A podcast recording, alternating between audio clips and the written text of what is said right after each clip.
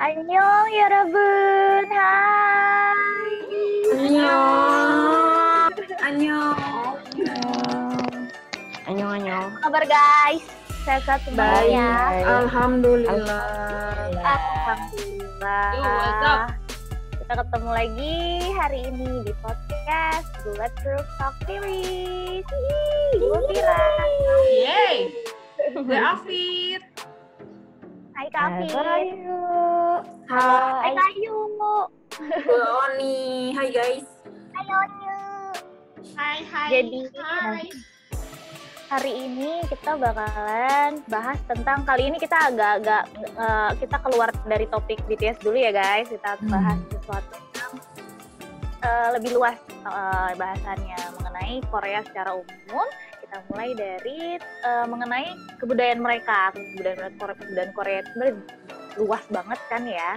Tapi hari ini kita akan spesifikkan dulu ke topik etika bersosialisasi gitu social etiquette social etik itu banyak banget ya eh, pembicaraannya juga di dalam di dalam etika sosialnya mereka. Dan yang akan kita bahas pertama topik pertama nah ini adalah greeting, naming conventions dan formal language atau Sundenmar gitu. Jadi kalau kita bicara tentang greeting atau eh, basic dulu deh basic berinteraksi di Korea itu ada filosofi di kebudayaan Korea yang isinya salah satunya adalah kibun, konsep of kibun dan nunci.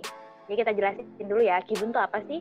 Kibun adalah arti dari eh, kibun adalah bahasa Korea yang artinya sebenarnya dalam bahasa Inggris nggak ada spesifiknya. Jadi bisa eh, intinya tuh tentang feeling, pride atau harga diri, terus kemudian eh, comfortable state of, of mind, mood, seputar itulah ya kibun. Jadi eh, secara umum kita bisa bilang feelings gitu lah. Nah, penting banget di dalam hubungan interpersonal di Korea Kibun ini. Makanya eh, intinya tuh mereka sebisa mungkin tidak melukai Kibun orang lain atau perasaan orang lain. Itu tuh sangat-sangat jadi kayak semacam eh, nomor satu di, di nomor satu kan di dalam eh, konsep bersosialisasi dalam kebudayaan Korea. Menjaga perasaan orang lain itu sangat-sangat penting bahkan fakta dan logika kadang jadi kurang penting jika dibandingkan dengan mencegah seseorang diremehkan oleh orang lain, menghargai pertemanan, dan sebisa mungkin tidak mengecewakan orang lain. Hubungan ini tuh terjadi karena semua orang berusaha sebaik mungkin untuk menjaga keharmonisan dan perasaan orang lain. Posisinya tuh bahkan bisa lebih penting daripada kejujuran. Kadang-kadang mereka tuh sampai harus melakukan white lie, bohong yang bohong yang ditujukan untuk menjaga perasaan orang lain gitu. Nah ini jadi kayak kadang-kadang tuh jadi masalah juga buat orang asing karena bagi orang asing kalau diginiin kadang-kadang terutama orang-orang barat ya ketika diginiin tuh dan tahu ternyata mereka melakukan white lie mereka akan merasa tersinggung karena kayak kok gue kayak dibodohin gitu ya jadinya padahal sebenarnya dalam kacamata orang Korea ini adalah tindakan yang graceful gitu karena dia udah menjaga perasaan orang lain gitu makanya budaya kayak gini tuh yang kadang-kadang tabrakan kalau orang nggak ngerti gitu loh budaya-budayanya yang ada di Korea gitu.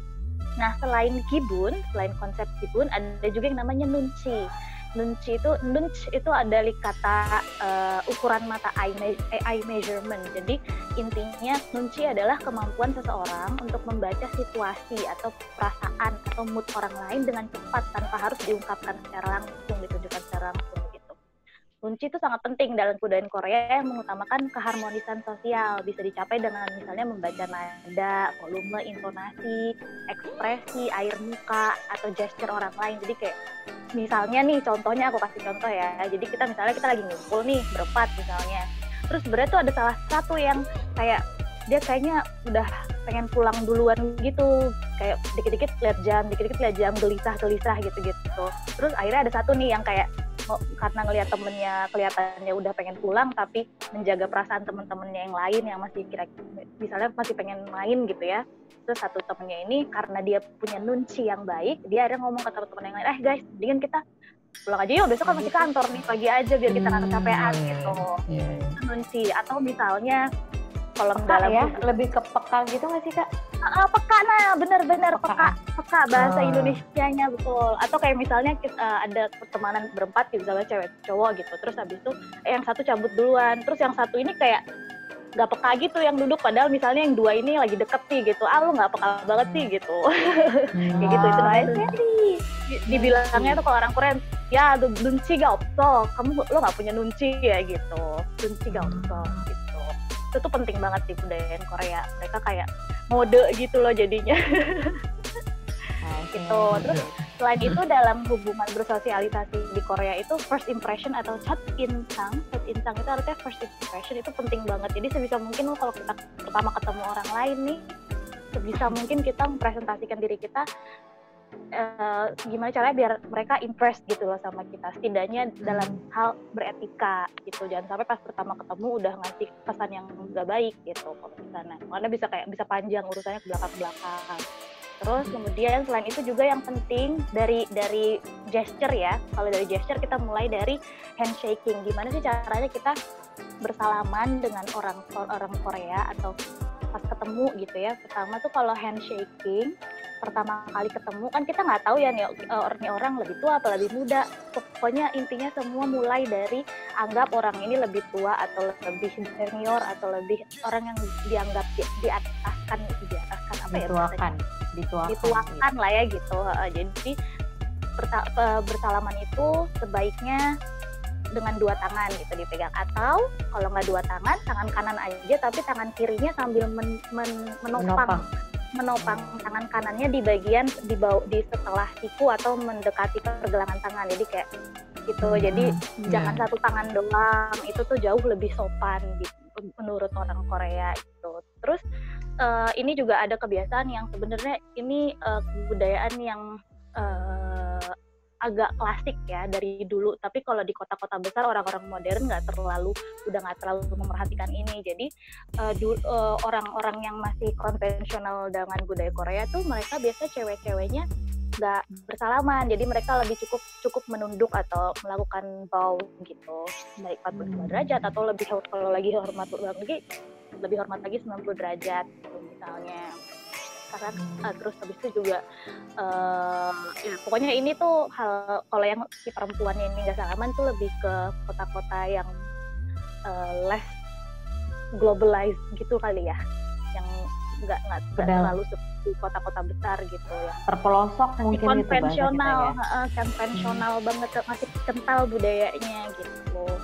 Nah kalau bicara tentang menghormat atau bow itu ada eh, beda-beda nih hormatnya. Bisa ada yang cuma oh gitu nunduk sedikit atau ada yang 45 derajat 90 derajat bahkan ada yang disebut kenjol kenjol itu artinya ken itu big jol itu bow jadi ken- kenjol ini dilakukan eh, biasanya untuk eh, orang tua gitu atau orang yang meninggal. Bedanya apa? Kalau kenjol ini dilakukan satu kali jadi kenjol itu kayak kalau di kita kayak bersujud gitu loh bersujud ke Hmm. bawah itu kenjol namanya. Jadi menghormat tapi sampai bawah banget.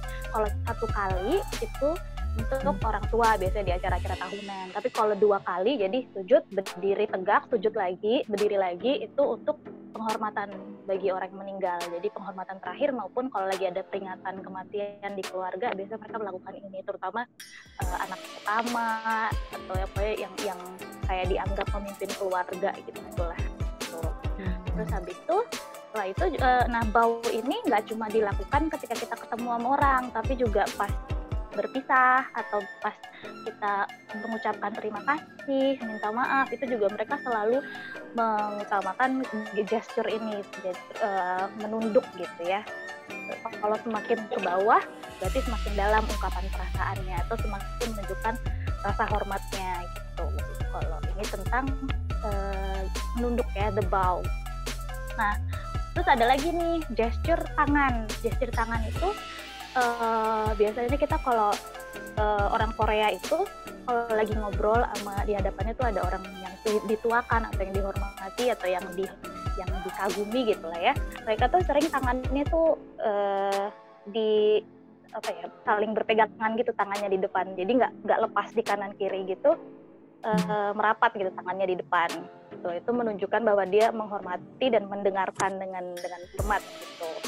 Terus juga eh, cara manggil juga cara manggil tuh mereka nggak boleh manggil orang dengan satu jari gitu. Terutama jari telunjuk itu hehe gini gitu, kayak Hmm. jari tak telunjuk itu sini sini gitu. Nggak boleh. Jadi mereka lebih kayak harus semua per- permukaan tangannya tuh ngadep ke bawah terus kayak gerakan manggil gitu menarik ke Tahun kali ya? kayak ini Kayak namanya. dadah dadah Atau gitu kan, kayak ya? dadah tapi ada kayak sini sini gitu tapi Ya. kayak bener-bener Oh. jari telapak tangannya gerak semua nggak satu jari doang itu nggak sopan gitu terus juga kalau nerima barang atau ngasih memberikan barang sama kayak kita bersalaman tadi Eh, kalau nggak dengan dua tangan atau iya. dengan satu tangan tapi tetap ditopang oleh tangan kirinya gitu itu kalau nerima apa misalnya nerima kartu nama gitu atau kita mau ngasih sesuatu ke orang lawan bicara kita gitu terus ada satu lagi gesture di Korea yang sering dianggap eh, sering disalah artikan gitu kalau oleh orang-orang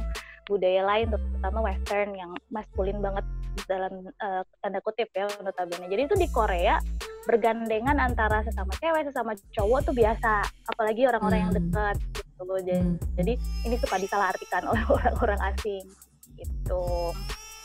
Oh iya terus juga di budaya Korea itu eh, nggak boleh menatap mata secara langsung gitu loh kalau nggak kenal. Jadi dianggap dianggap rude jadinya kayak ngeliatin gitu loh. Nggak sama berarti sama sama kayak kita ya sama saya eh, sedikit eh, beda ah, beda sedikit sama juga sama Itu Iya, tuh kita Kita banyak orang ya gitu, tadi nah. poin-poin tadi tuh sebenarnya banyak yang mirip ya sama budaya Indonesia mungkin karena Asia iya. kali ya. Heeh, jadi kayak Kayaknya em, Asia deh. gitu. Iya Asia ya mostly gitu. Cuma kita nggak sampai yang sujud sih ya. Mungkin karena kita ada budaya Islamnya juga jadi kita tidak bersujud ke manusia ya. Ya, sebenarnya. iya. Gitu.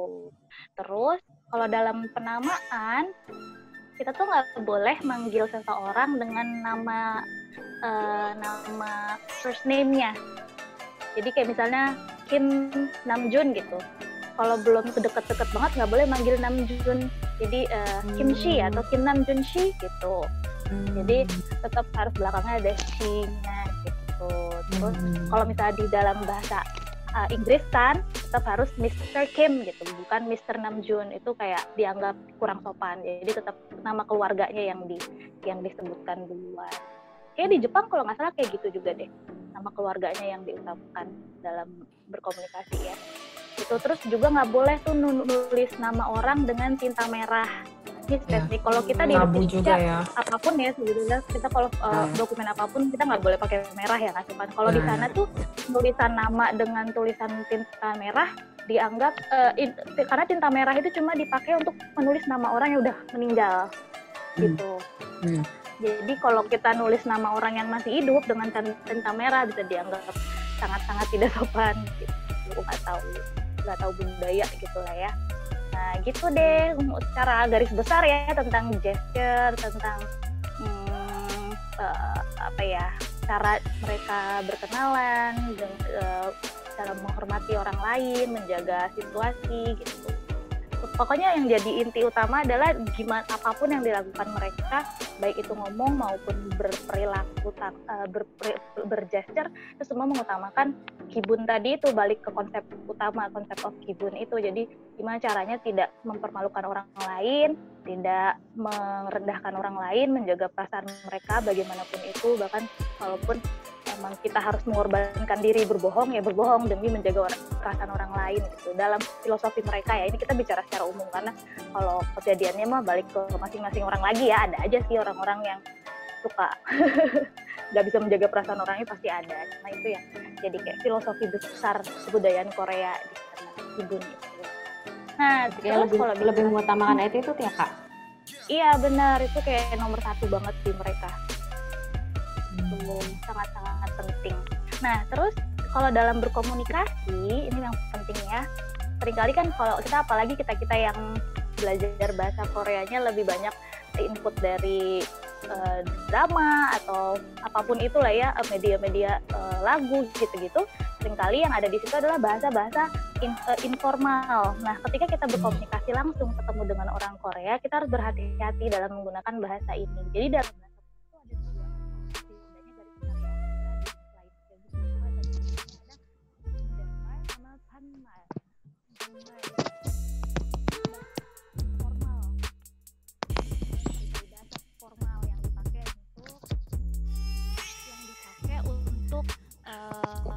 uh, orang-orang yang lebih tua, yang senior atau yang dihormati, yang dikagumi gitu. John Denmark kita pakainya.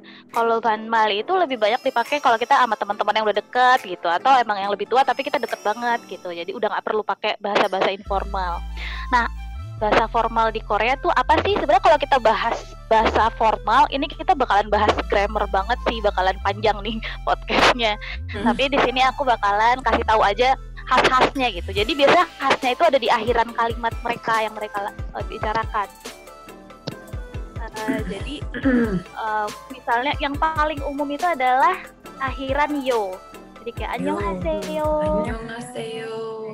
Uh, annyeonghaseyo gitu. Itu belakangnya yo itu adalah bahasa formal. Kemudian ada juga uh, hamnida, bla inida, chonen pira inida, saya pira gitu.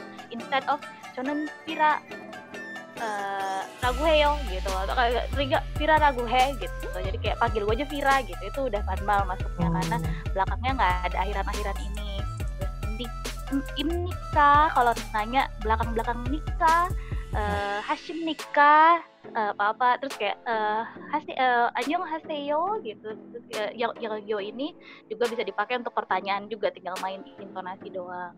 Terus abis itu misalnya kalau kita lagi bicara tentang orang lain yang dituakan biasanya kita kasih ada tambahan e cida gitu. Atau kayak e se apa ya seo. Pokoknya ada ada ada ada khas uh, silabel s di belakang situ gitu.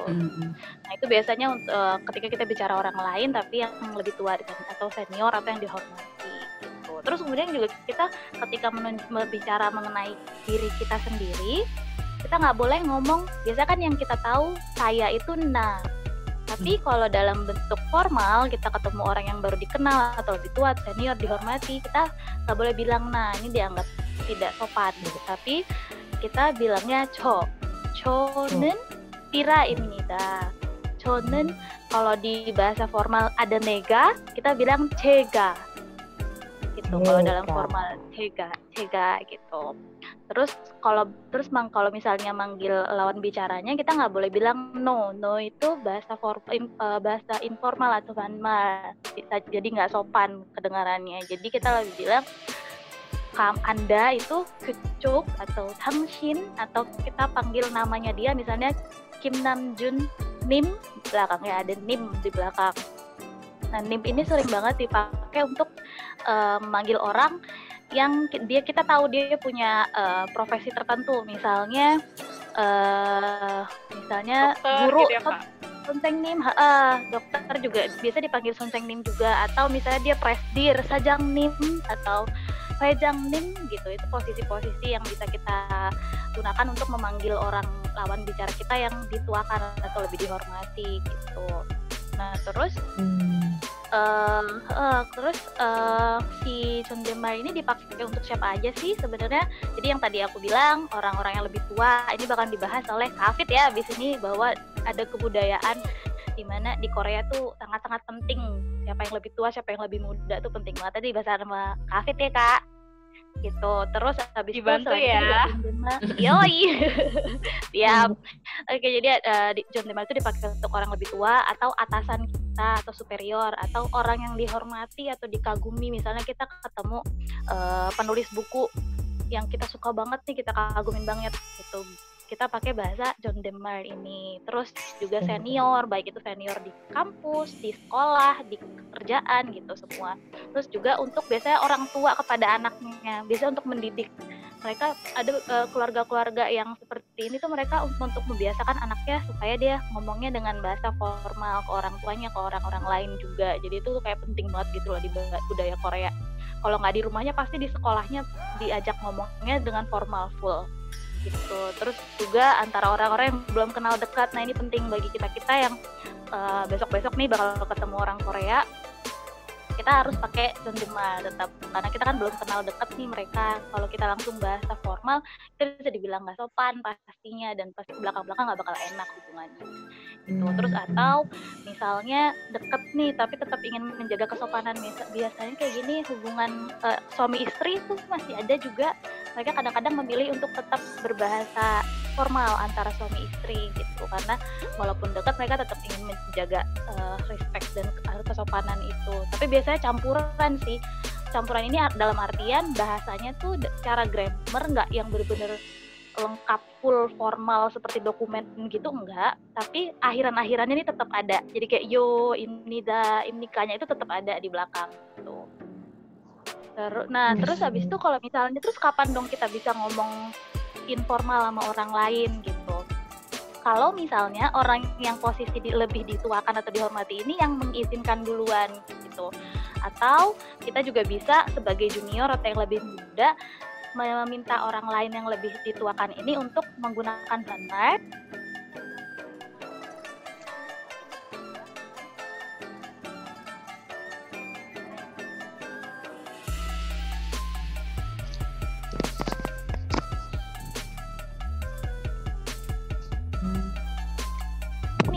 seumuran. Seumuran. Se kalau seumuran misalnya kita tahu ternyata eh kita ternyata seumuran ya gitu. Berarti langsung aja bilang uh, kita ngomong langsung banmal aja kayak bilangnya biasanya mbak Daul Kyle gitu. Mbak Pio lagi Hai Kyle. Kita bicara uh, santai aja gimana gitu. Jadi sama-sama setuju oke okay, gitu. Jadi kayak ada aturan-aturannya di situ. Kita nggak bisa cara langsung kita yang menentukan untuk ngomong informal. Bahkan kalau yang muda pun biasanya mereka tetap izin kayak gue ngomong informal ya sama lo gitu. Jadi kayak oh iya silakan gitu baru ngomong. Jadi semuanya tuh tetap harus uh, menjaga menjaga perasaan orang lain walaupun dia lebih muda walaupun dia di junior kita atau orang yang kita lebih dihormati uh, oleh dia gitu ya. Semuanya tetap dijaga gitu. Itu ada batasan-batasan dan ada penting banget untuk izin-izin uh, untuk menggunakan bahasa yang lebih santai. Itu penting banget di sana. Gitu deh guys jadi kalau mau berbahasa informal, nggak mau berbahasa informal itu harus izin dulu ya, gitu. Maksudnya atas seizin si yang lebih tua. Lawan bicaranya, Heeh, betul. Yes. Jadi kalau nggak kayak gitu bakalan dianggap tidak sopan sih pasti. Makanya orang Korea terlihat sangat kaku kalau ketemu sama orang yang jauh lebih tua atau senior seniornya. Hmm tapi sebenarnya hmm. kalau di budaya kita hampir sama nggak sih misalnya kayak kita ketemu orang yang baru kenal dan ternyata lebih tua, pasti kita juga nanyanya kan uh, namanya siapa? Bukan bukan lo gue, tapi aku kamu hmm. kan kayak gitu sih hampir. Kamu, ha, ha. Iya, kalau kita tuh lebih kepilihan kata-katanya nggak sih? Ya, kita pilihan kata-kata. Kalau kita kan sampai grammar-grammar akhirannya tuh sampai beda ya. Kalau oh, iya. kita hmm. pilihan kata sama mungkin yang sama juga uh, intonasi kali ya. Kita kayak lebih Oh iya. Gitu. Iya benar. tapi tapi kita juga nggak bisa ngomong ke yang lebih tua tuh kayak Anda namanya siapa itu kayak nggak enak oh, iya, sih. Kayak namanya kayak, banget ya. Iya benar. Iya kita nggak pakai Anda sih. Tapi di sana juga ngomong anda ke yang lebih tua nggak nggak juga sih mereka tetap kayak manggil namanya terus belakangnya ada nim atau misalnya kenteng nim nih boyo ya, gitu jadi kita nggak nggak bilang anda ke orang yang lebih uh, mereka nggak bilang anda ke orang yang lebih tua yeah. nggak juga mirip gitu yes benar-benar gitu. hmm. terus ya, ya jadi ke... uh, ke dokter kan juga dokter gitu kan langsung dokter gitu uh, uh, uh, uh, betul. manggil manggil profesinya gitu loh jadi kayak pak guru gitu atau kayak uh, bapak presdir gitu kan manggil gitu kan. Iya, iya, Karena kan kita belum belum tahu, maksudnya belum tahu persis nama namanya gitu, nama si orang yang kita panggil dan salah satu bentuk respect kita juga kan untuk orang yang lebih tua yang kita panggil itu. Mm, betul jadi kayak hati-hati banget yes benar-benar Sebenarnya 11-12 juga nggak sih sama budaya di Indonesia yang tadi Kafira sebutin beberapa yang mungkin kecuali yang bow itu tadi. Iya sih. Karena iya, parah sih. Asia sih ya, kan hampir ya, betul. kebanyakan negara Asia tuh kalau dilihat-lihat ya emang kayak serupa ya budayanya, agak mirip. Hmm Jepang juga kan ya, gitu Jepang. juga ya agak lebih bahkan mereka lebih kaku lagi ya kalau bisa dibilang bisa dibilang lebih kaku lagi sebenarnya. Mm -hmm. Ya benar. Ya, hati-hati banget. Itu.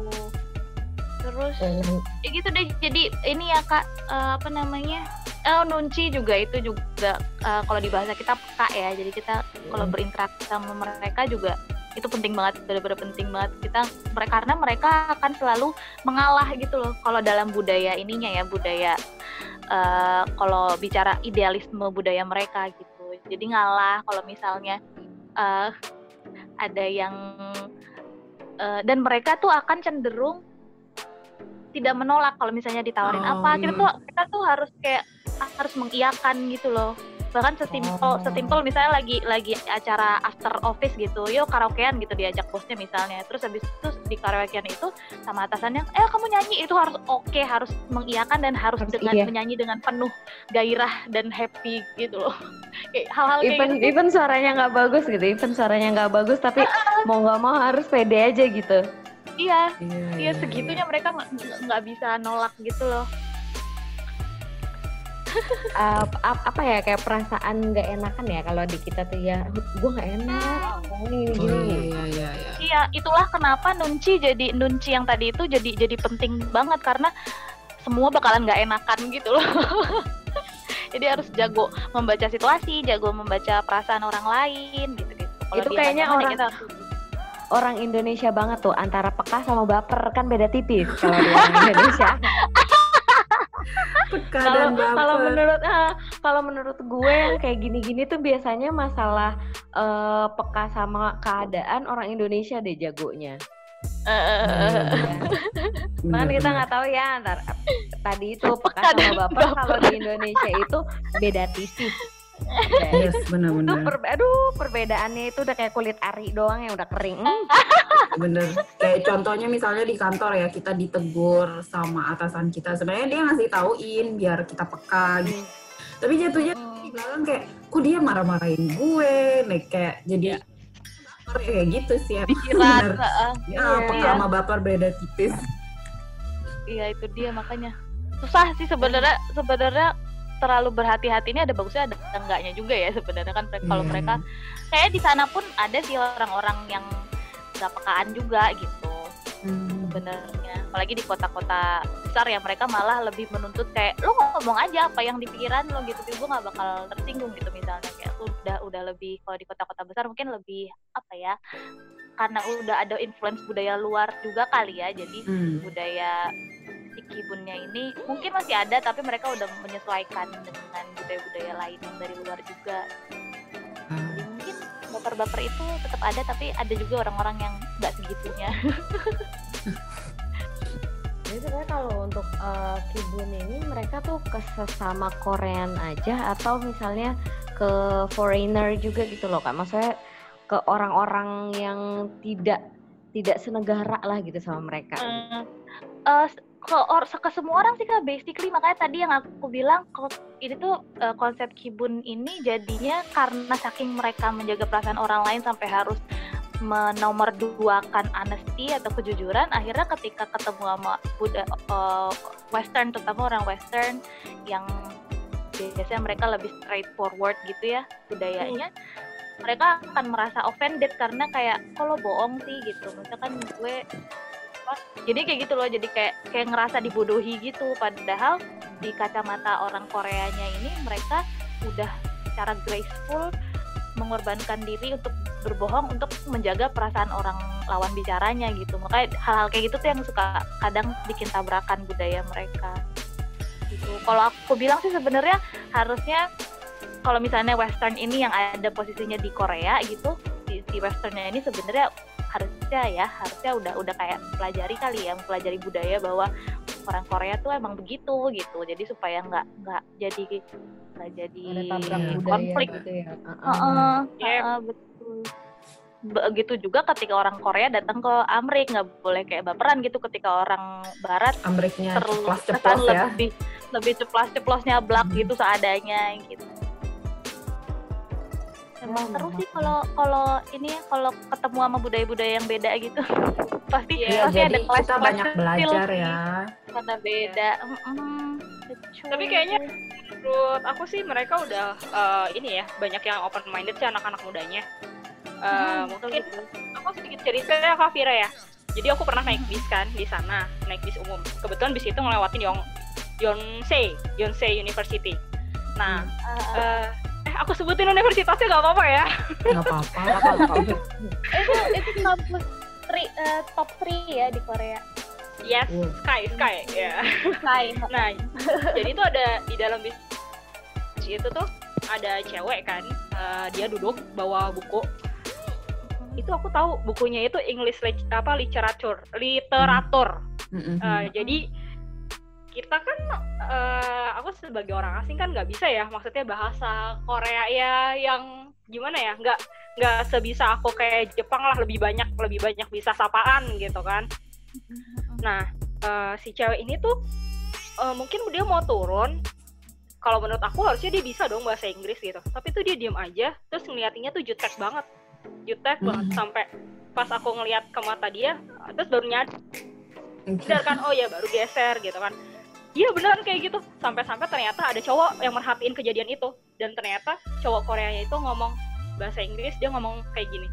"Eh, saya minta maaf ya, eh, kayaknya dia, saya juga nggak ngerti kenapa dia bersikap seperti itu.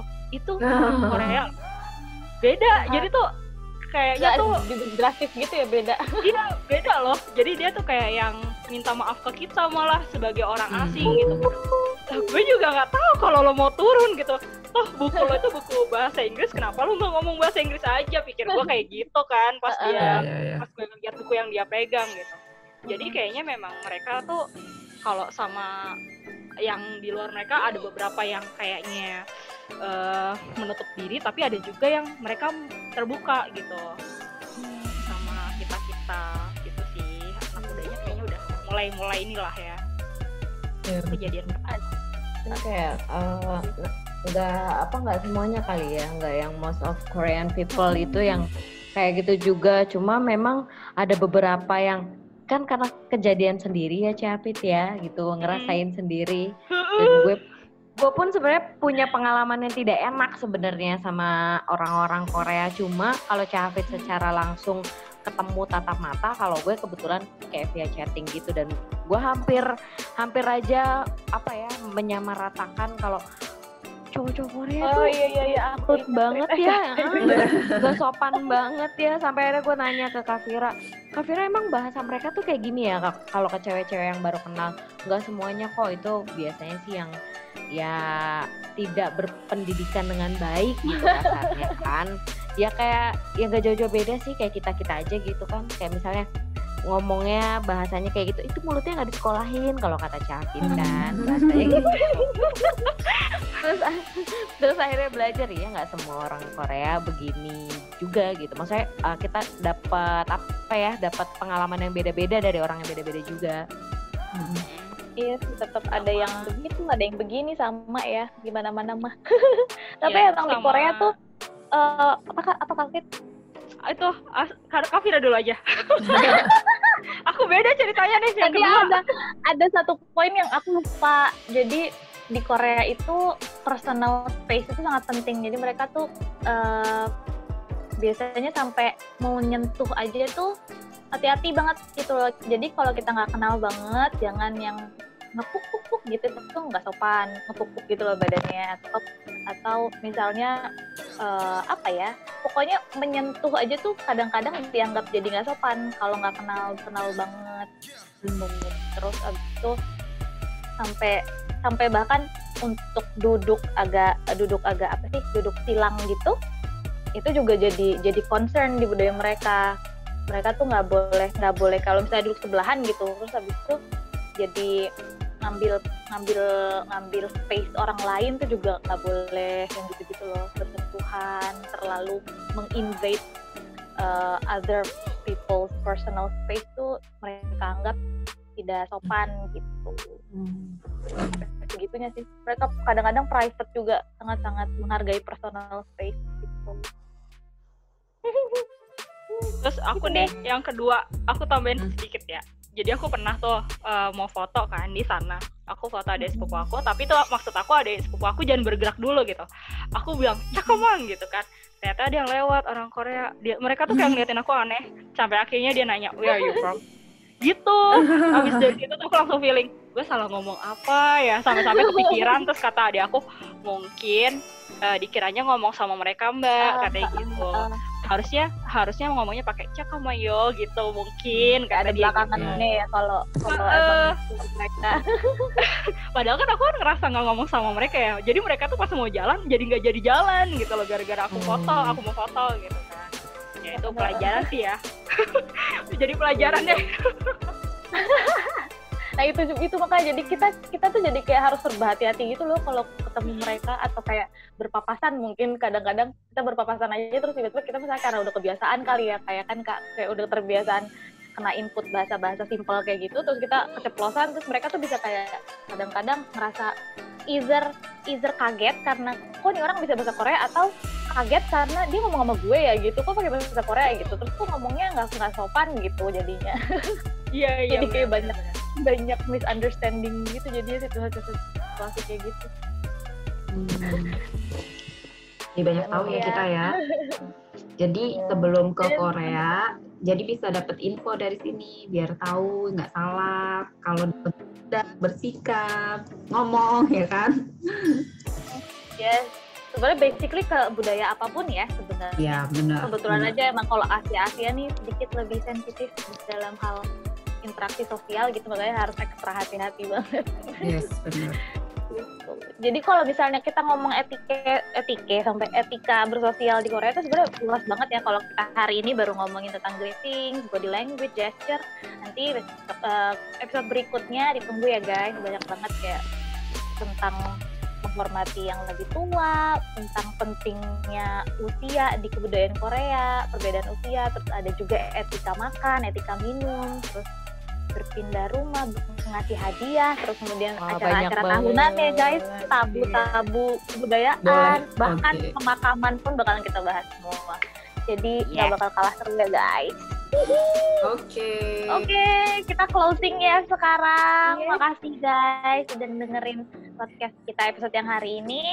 Semoga banyak memberikan input yang bagus buat kalian-kalian terutama yang berencana untuk mungkin melakukan traveling nih ke Korea atau mungkin mau nikah sekolah? gitu. Atau iya, sekolah. ya, di Korea, atau kerja di sana. Atau misalnya di sini kebetulan punya teman baru orang Korea. Nah ini hal-hal yang bisa kita perhatikan gitu biar nggak salah nggak salah langkah ya berinteraksi sama mereka. Gitu. Oke okay. okay, makasih ya guys. Ditunggu. Terima kasih. Jangan lupa jangan lupa jangan lupa follow Instagram kita. Ayo betul betul. Bulletproof Talk Series. Sampai jumpa di next episode. Banyak banget ya. Yuhu, dah. Annyeong. Annyeong. Barahe. Annyeong.